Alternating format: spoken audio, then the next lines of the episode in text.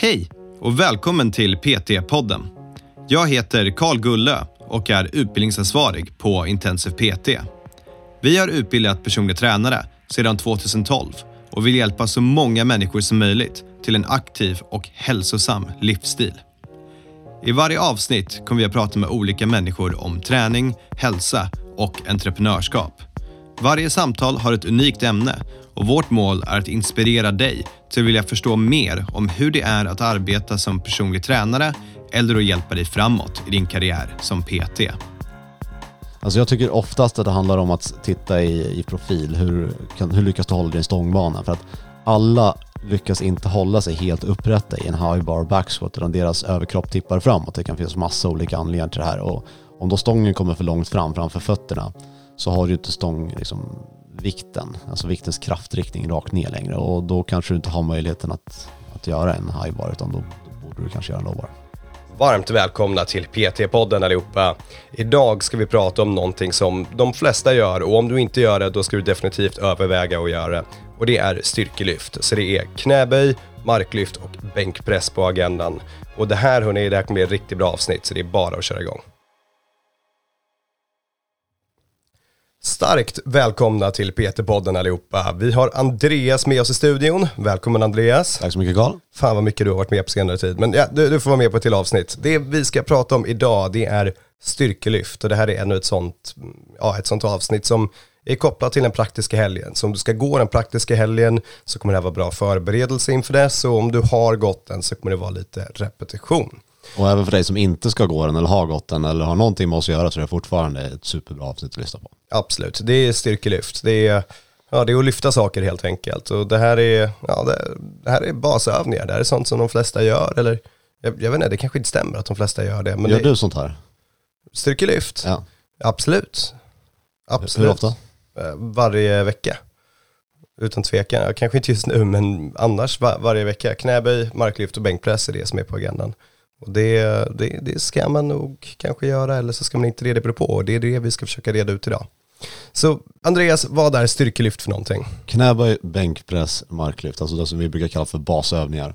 Kanske lite strikt press beroende på hur man ser det. Om vi pratar styrkelyft som eh, tävlingsform så är det ju knäböj, bänkpress, marklyft. Precis. Det är de. Eh, och det här ska ju vara enligt mig, alltså för, för väldigt många har, de har nytta av att lägga det här som en grund i sitt pass och sen så bygga ut utöver det. Är så jag gör. Jag tror att du gör så också. Precis, precis. Det, det är själva skelettet så att säga och sen så blir det allting annat. Det kretsar lite runt det där och så, som jag tänker i min träning i alla fall att så länge jag har gjort min knä med marklyft och bänkpress då är jag nöjd med den veckan. Allt annat är en bonus men det där är verkligen, sen ska jag göra andra, men det där är verkligen det, det, är det som är det viktigaste så att. Varför är de så bra då? Alltså jag vet inte. Det, det är ju vi som går alltid omkring och tycker det här och känner det här och tänker det här. Sen så är jag, det är ju något avsnitt när jag satt och pratade med Seth när han verkligen satt och grillade mig om varför är det så bra då? Vad, vad är grejen liksom? Ja men det här finns ju ett svar på Ja. varför de är så bra. Ja, När vi, precis. när vi tittar på vad som händer i kroppen när vi tränar, då är det vissa alltså parametrar, det är vissa indikatorer som vi tittar på. Och eh, det vi får mest utslag på, oavsett om vi pratar om eh, hypertrofi eller om vi pratar om hur, hur bra vi mår efter träning, så vi vill lyfta mycket vikt och vi vill blanda in eh, fler än en led. Eh, Då får vi de här positiva effekterna, både de hormonella och de fysiologiska.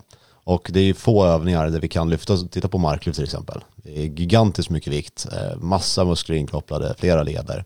Så det är väl definitionen på en bra övning. Precis, precis. Och det, du, det är ganska tidseffektivt också när du tränar dem för att du kommer träna genom mer del av kroppen och det, det kommer helt enkelt vara en bra övning och det är inte jättemycket mer att säga om det tycker jag. Hur mycket väger du Karl? Jag väger, oh, jag väger 75 kilo just nu tror jag. Och eh, vad, vad tar du i eh, knäböj? 150. Nej, nej, Jo, jo, jo, finns på YouTube.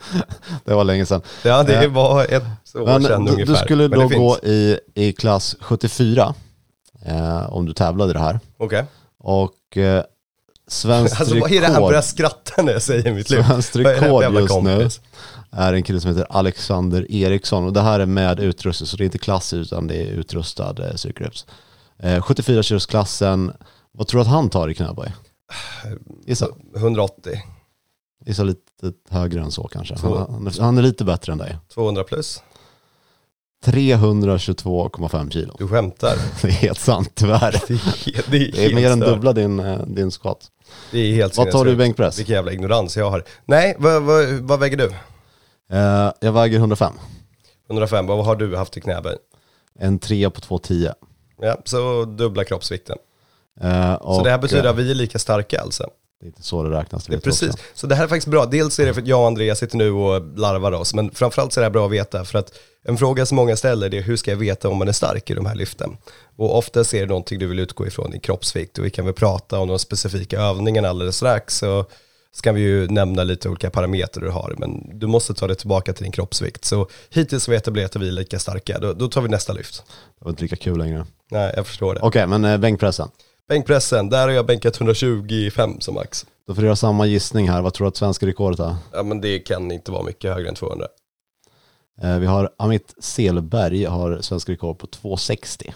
Alltså det är helt stört. ja, det är helt stört. Det här visar också Men en den är sjuk också- ignorans från vår sida. Men det, det här är Alltså jag hade gissat, eh, kanske inte så högt, men eh, om, om vi tar min viktklass då, eh, 105 så har vi Mikael Lundin på endast då kan vi säga 288, så den är ju inte så mycket högre än Nej, det är ju 74 Nej, det skulle man faktiskt tro, men det är, när man Ja. kortar ner range of motion, till slut går det väl kanske inte att göra så mycket mer. Nej. Och sen när vi kommer upp till de tungviktarna då, då bänkar de över 300. Ja, det det- känns rätt jobbigt. Ja, det är bananas.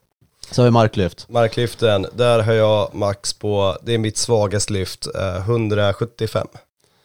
Ja, där hade du inte ens varit med på lättviktsklasserna. Eh, I din viktklass de 300 blankt, Alexander Eriksson. Ja, och det är också helt bananas. Ja, och i min 372,5. Ja, men du är rätt stolt över din marklyft va? Ja, fast det jobbiga med marklyften att jag hade ju 295. Eh, och så tänkte jag, det fanns mycket kvar i tanken, så jag tar det. Det är så kul att stå PR och det var ett PR. Så jag, jag tar den sen. Och så kom det någon, det var någon så här halvskada eller någonting sånt. Klassiker, sen- sen kom det någonting. Ja, och nu börjar jag inse att ja, det kommer bli tufft att komma upp i de där 300. Nej, vad, vad tar du idag? 250 kanske. Ah, tvek. Okej, så Ful 250. Ful 250. Så som sagt, det, det här är väl lite runt omkring snack om styrkelyften, men det, det är ändå relevant för folk för att ha idéer om vad man lyfter. Men de, de flesta ligger ju inte på de här vikterna ändå som ni kommer träna som PT-kunder, det vill jag definitivt säga, utan då är det kanske att man reppar på 70-80 kilo i knäböj och har 60 kilo på skivstången i bänkpress och sånt. Då är frågan om det är bra eller inte. Och det finns några parametrar du behöver ta hänsyn till. Det är hur länge personen har tränat, det är vad den väger eh, och egentligen därav vilka förutsättningar de har haft för att göra den här träningen. Och så kommer du kunna se om det här är bra lyft eller inte. Så har man någon som är helt ny och bänkar sin kroppsvikt, det är ju fantastiskt bra. Till exempel. Det är i alla fall väldigt lätt att sätta upp mål och det är mycket bättre att sätta eh, kroppsviktsrelaterade mål. Så, så att vi har någon som eh, i första läget ska upp till eh, en gång kroppsvikt i bänkpressen och sen en, en riktigt bra bänkpress är ju, det är ju en och en halv. Och väldigt få personer kommer upp i två gånger kroppsvikt. Precis. Så det, jag tycker att det är bra sätt att sätta mål. eh, Vad har vi sätta för parametrar på marklyfterna? Alltså där, där ska man ju ganska snabbt ta eh, kroppsvikt. Eh, En och en halv när man har tränat ett tag och två gånger det kommer väl de flesta som är seriösa upp i. Precis, det, men, det, ja, det, men det kräver dedikation i alla fall. Men det, det ska inte vara några större problem egentligen. Och sen är det ju faktiskt så att eh, knäböjen ska ju inte vara så långt efter marklyften. Precis, och det blir man förvånad över för den, ja, knäböjens, det är ändå lite vikt man ska förflytta där. Ja, jag är ju inte nära. Nej, inte jag, jag är ju väldigt nära. Ja. Men Och så finns det ju, alltså, Jag är ju- också starkare än vad du är. man, man har ju sett de som tar mer i knäböjen i, i marklyft och det är helt, nej, helt absurt. Ja, det är bananas. Så vad, vad har vi för siffror på marklyft, eller på knäböjen på ett ungefär? Ja men det är väl ungefär samma som marklyften. Ja, snäppet under. Ja. Snäppet. Jag skulle säga du, dubbla kroppsvikt i knäböj är ju en fantastisk siffra att uppnå. Ja. Det är då ska man vara stolt över sig själv, väldigt stolt. Och för nybörjare, då är det väl typ eh, kroppsvikt på alla de här sakerna är ju en ganska bra första grej att sikta på att göra. Eh, mer än kroppsvikt kanske i knäböj och marklyft, men ändå, det, det blir liksom en, en första parameter om du aldrig har gjort styrkelyft förut på något sätt. Eh, Och det här är ju faktiskt saker som också är lättare att sätta mål med än till exempel biceps curls eller lower curls. För att där brukar man generellt sett göra mer repetitioner och det kommer vara flera olika faktorer som påverkar. Men oftast så brukar folk känna att det är lättare att få en progression i det här än i de här enledsrörelserna. Varför det är så dock, det, det kan jag inte svara på. Den enda sak jag kan utgå ifrån att folk ofta gör många repetitioner när det är enledsrörelser. Och då ska du göra 15 reps, du kan ju lika gärna bli tråk, uttråkad som att det är att det är tungt, som kommer sätta en begränsning. Ja, du skulle aldrig liksom göra ditt 1R med biceps curl till exempel. Men varför inte? Ja, det finns ju. Alltså det, det har ju blivit en grej nu. Har du sett de här biceps curl eh, världsrekorden? De står mot en vägg och biceps curl där. Vad sjukt. Det ser helt absurt ut. Och då, men då är det att du är fastlåst mot en vägg eller något sånt där, så du inte Ja, kan precis. Du hjälp kan av inte gunga. kroppen. Ja, Nej, precis. värdelöst. Då, då finns det ingen idé att biceps Där curla curlar längre. de ju 100 plus. Det, det ser sjukt ut också. Ja, det är helt bananas vilka biceps man har då. Men det, det finns egentligen ingen idé varför man inte skulle kunna ha med det som lite tester och sånt sin träning. Det fyller väl kanske ingen större funktion, men det är lite roligt. Och det är, det är inte helt dumt heller. Ja, nej, varför inte? Börja mäta den. Ja, precis. Biceps curls 1RM. Okej, så där har vi lite parametrar för de olika lyften. Uh, hur man ska utföra dem är ju en komplicerad fråga, för det är väldigt individuellt hur du lägger upp dina, dina lyft. Och det här är någonting som vi går igenom och det kommer vara annorlunda från person till person vad det är de ska göra. Jag får själv lite ångest bara när jag tänker att man ska gå igenom det så här, för det är så mycket jag vill säga och det är så kort tid för det. Eh, hur brukar du tänka Alltså, med dina klienter? Vi kan utgå från att alla som lyssnar på den här har gjort knäböj, bänkpress, marklyft. Och vet ungefär hur det ska se ut och har sett det. Jag, tror det stämmer nog inte, men ja, vi kan utgå från det, det Ja. här syftet. Om du inte Men- har gjort det så får du googla knäböj, eh, ja, styrkelyft helt enkelt. Ja. Så då kan vi ju se det på två sätt. Då kan vi se det antingen som hur din klient ska göra, hur en vanlig motionär ska göra och hur tekniken ska se ut då. Och så kan vi dra extremen, att om du tävlar i det här, vad är viktigt då? Ja. Så kan du jämföra de här två olika rörelserna. Absolut. Eh, så ja, vi kan ju börja titta på li- lite på marklyften då. Och eh, i ett vanligt marklyft, så som dina klienter förmodligen kommer göra, så pratar vi ett vanligt konventionell stance. Så att du har alltså benen innanför händerna. Ja, precis. Och det är så alla kommer göra och ha neutral ryggradsmuskulatur och hela den biten och att allt ska se bra ut och vi ska ha spänning genom kroppen och ja, inga konstigheter med den. Nej, men man brukar ju se på alla de här rörelserna efter ett tag när du har gjort det, så får du upp ett öga för att se vad det är som blir rätt och du kan se när det finns avvikelser från det helt enkelt. Och sen det som är genomgående för alla de här, inte bara marklyft, utan när vi kommer till tävlingsdelen av det här så handlar det om att eh, korta ner rörelsen så mycket som möjligt. Precis. Och i marklyften så, du ska ju upp till höften, du ska ju resa dig upp med stången, så det finns inget att göra där. Men det du kan göra, det är att du kan ställa dig närmare marken genom att ställa ut benen så brett som du bara kan och hålla stången, hålla händerna innanför benen. Det kallas sumo stance. Precis, så sumo och marklyft i sådana fall, vilket jag tror börjar bli mer och mer populärt. Det är ganska sällan man ser folk göra det förut, men jag börjar se mer hur det syns på gymmen att folk gör det också. Och i tävling ser vi det väldigt ofta. Precis, men nu menar jag på de vanliga gymmen så att Ja. säga. Ja. Nej, men det, jag tror att det går någon sån här trend att det skulle vara, ta mer på gluteus. Ja, kanske. Och det är därför alla vill göra det tror jag. Ja, kanske. Men det är ju främre lårdominant. Ja, alltså, det, mus, alltså muskelinkopplingen skiljer sig inte jättemycket. Om vi tittar på rörelse så blir det ju lite annan rörelsebana. Men anledningen till att de som är riktigt starka gör det, det är att komma närmare golvet, alltså kortare lyftjag. Och vi, vi kan ju aldrig korta ner uppåt, så vi får korta ner neråt. Eh, sen har vi det här med eh, ryggen som marklyft. Och där ska vi komma ihåg att när folk pratar om neutral ryggradskurvatur, ett, det är inte rak rygg, utan det är sån kurvatur som du har, alltså den kurvaturen som när du står helt normalt, den ska du bibehålla. Och när vi säger att vi inte får krumma ryggen eller böja ryggen eller ändra den här ryggradskurvaturen, primärt pratar vi lumbal, alltså ländryggskotorna då. De är ju då i eh, lordos och de får inte gå ut till kufos, så den får liksom inte skjuta bakåt. För majoriteten av de diskbråck vi får, det är, det är precis där i, i ländryggen. Så där är de mer utsatta. Men sen att, vi, att det händer saker i uh, torakalkotorna, alltså bröstryggen, att den kurvaturen, den kyfosen ökar lite grann. Oftast inte hela världen.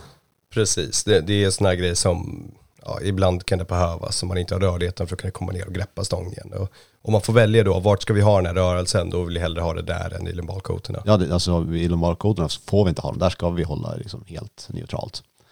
Eh, men titta på de absolut tyngsta marklyften, de här, vi har ju två stycken 500 plus eh, marklyft och ingen av dem lyckas ju hålla liksom torakalkotorna som de ska. Och när de klarar det utan diskbråck på, på TH-kotorna så då klarar ni det också. Det Precis. där ska man kanske inte vara supernoga utan det att det släpper ibland, det är förmodligen fine. Ja, men återigen, beroende på vad man har för klient så vill man kanske ta det försiktiga före någonting annat. Och kan man utföra det med neutral rygg hela vägen, då finns det väl ingen fy skam i det heller för den vanliga motionären. Är det så att det är någon som vill tävla i det här och vill köra lite hårdare, absolut, då kanske man kan tumma på reglerna här och där. Så går vi över till eh, knäböj. Och eh, här har vi ju det, det vanligaste jag ser på gymmet. Eh, Och när vi frågar på den praktiska helgen så brukar det vara vanligast där också. Om jag gör en high bar eller en low bar back squat. Så, så skillnaden mellan high bar och low bar? High bar så har du sången precis som det låter, uppe, högt upp på nacken, överst på trapezius egentligen. De står ganska upprätt i din squat. Low bar så lägger du ner en liten bit så den hamnar nästan mitt på skuldran kan man säga och du fäller dig framåt mer som en good morning liknande övning. Precis, och gör en brutal low bar så ser det ut som du försöker skalla golvet. Ja. Och där har vi igen, eh, bland motionärsdelen av eh, tränan, träningsmänniskor så är det high bar. Medan eh, tittar du på de eh, som tävlar så är det framförallt low bar. Och det blir egentligen, om vi pratar om att korta ner rörelseomfånget så, så kortar du ner ledvinkeln i eh, knäleden, i genu. Genom att eh, ta en low bar, för du behöver inte böja på benen lika mycket. Och det gör också att den externa hävarmen blir kortare till knäleden. Och istället så gör vi, tar vi det här, ut det här leduttaget i höften, i coxia. Och lägger en större vinkel där också. Det är en starkare, större, mer stabil led. Det är stora starka muskler som fäster där omkring. Så vi är helt enkelt starkare eh, i en low bar.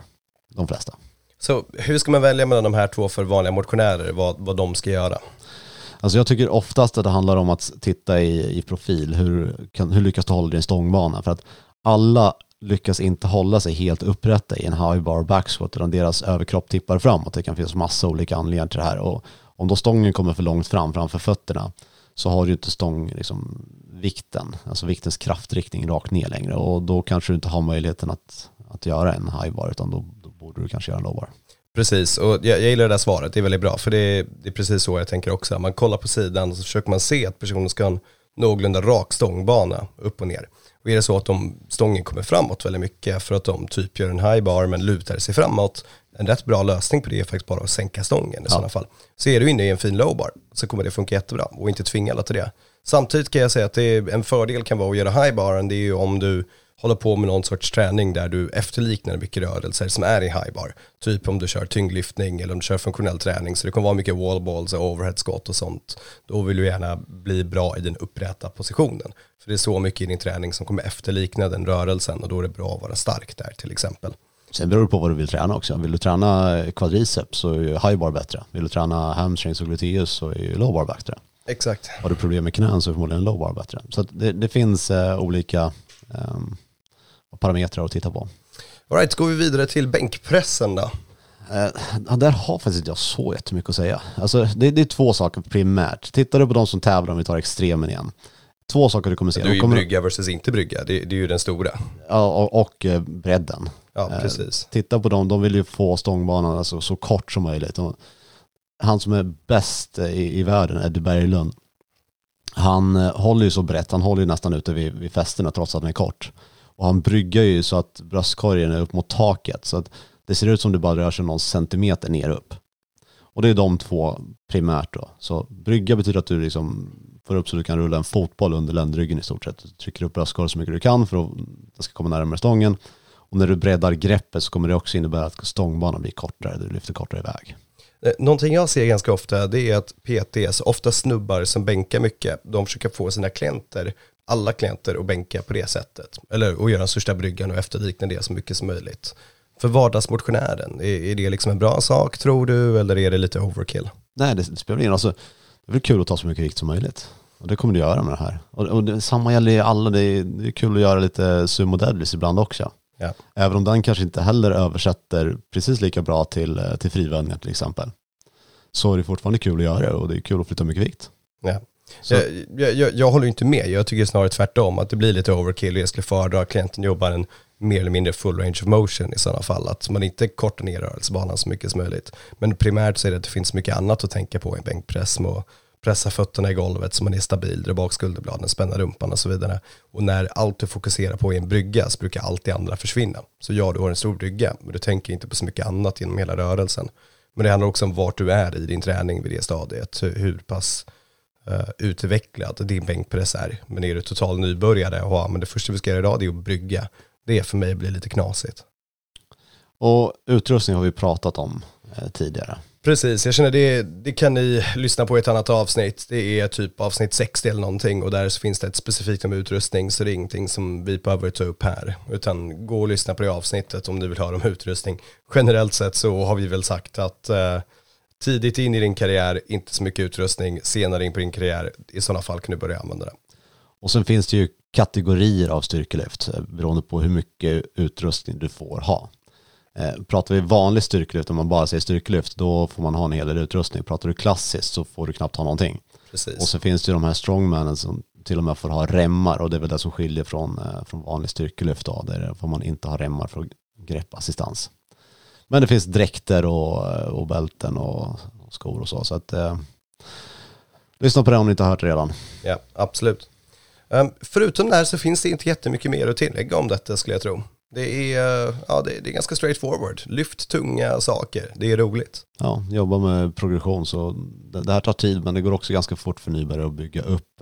Bara liksom den eh, neuromuskulära kopplingen, alltså det som skapas av att du gör rörelsen så kommer det öka mycket. Så det, därför är det så kul att börja med styrkelyft för att det går så snabbt. Man blir dubbelt så stark helt plötsligt. Precis, och det gör ditt jobb som PT. Jag kan inte tänka mig jobba som PT utan att försöka lära någon olika styrkelyft och sånt. Vad annars som jag ska, jag gör, alltså ska någon bara stå och bicepscurla hela dagen liksom eh, och göra maskinrörelser. Det, känns inte, det finns inte jättemycket för mig att göra med den personen förutom att gå och snacka och höja vikten. Ja. Däremot lär vi ut sådana här övningar, då finns alltid teknik att förbättra och ditt jobb kommer bli väldigt mycket mer aktivt. Sen ska jag ge ett, ett tips innan vi avrundar det här och det är att börja jobba med andning på era klienter tidigt.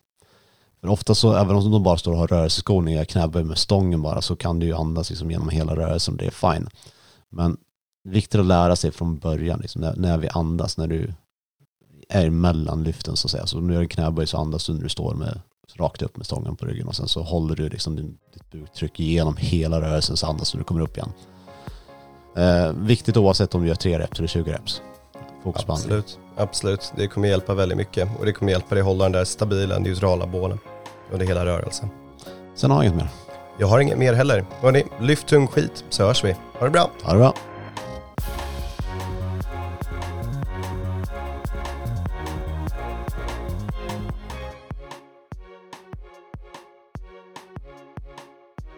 PT-podden är producerad av Intensiv PT. Om du vill veta mer om våra utbildningar och gå med i nätverket av framtidens personliga tränare, gå in på www.intensivpt.se. Vi har kursstarter varje månad och du kan studera helt i ditt egna tempo.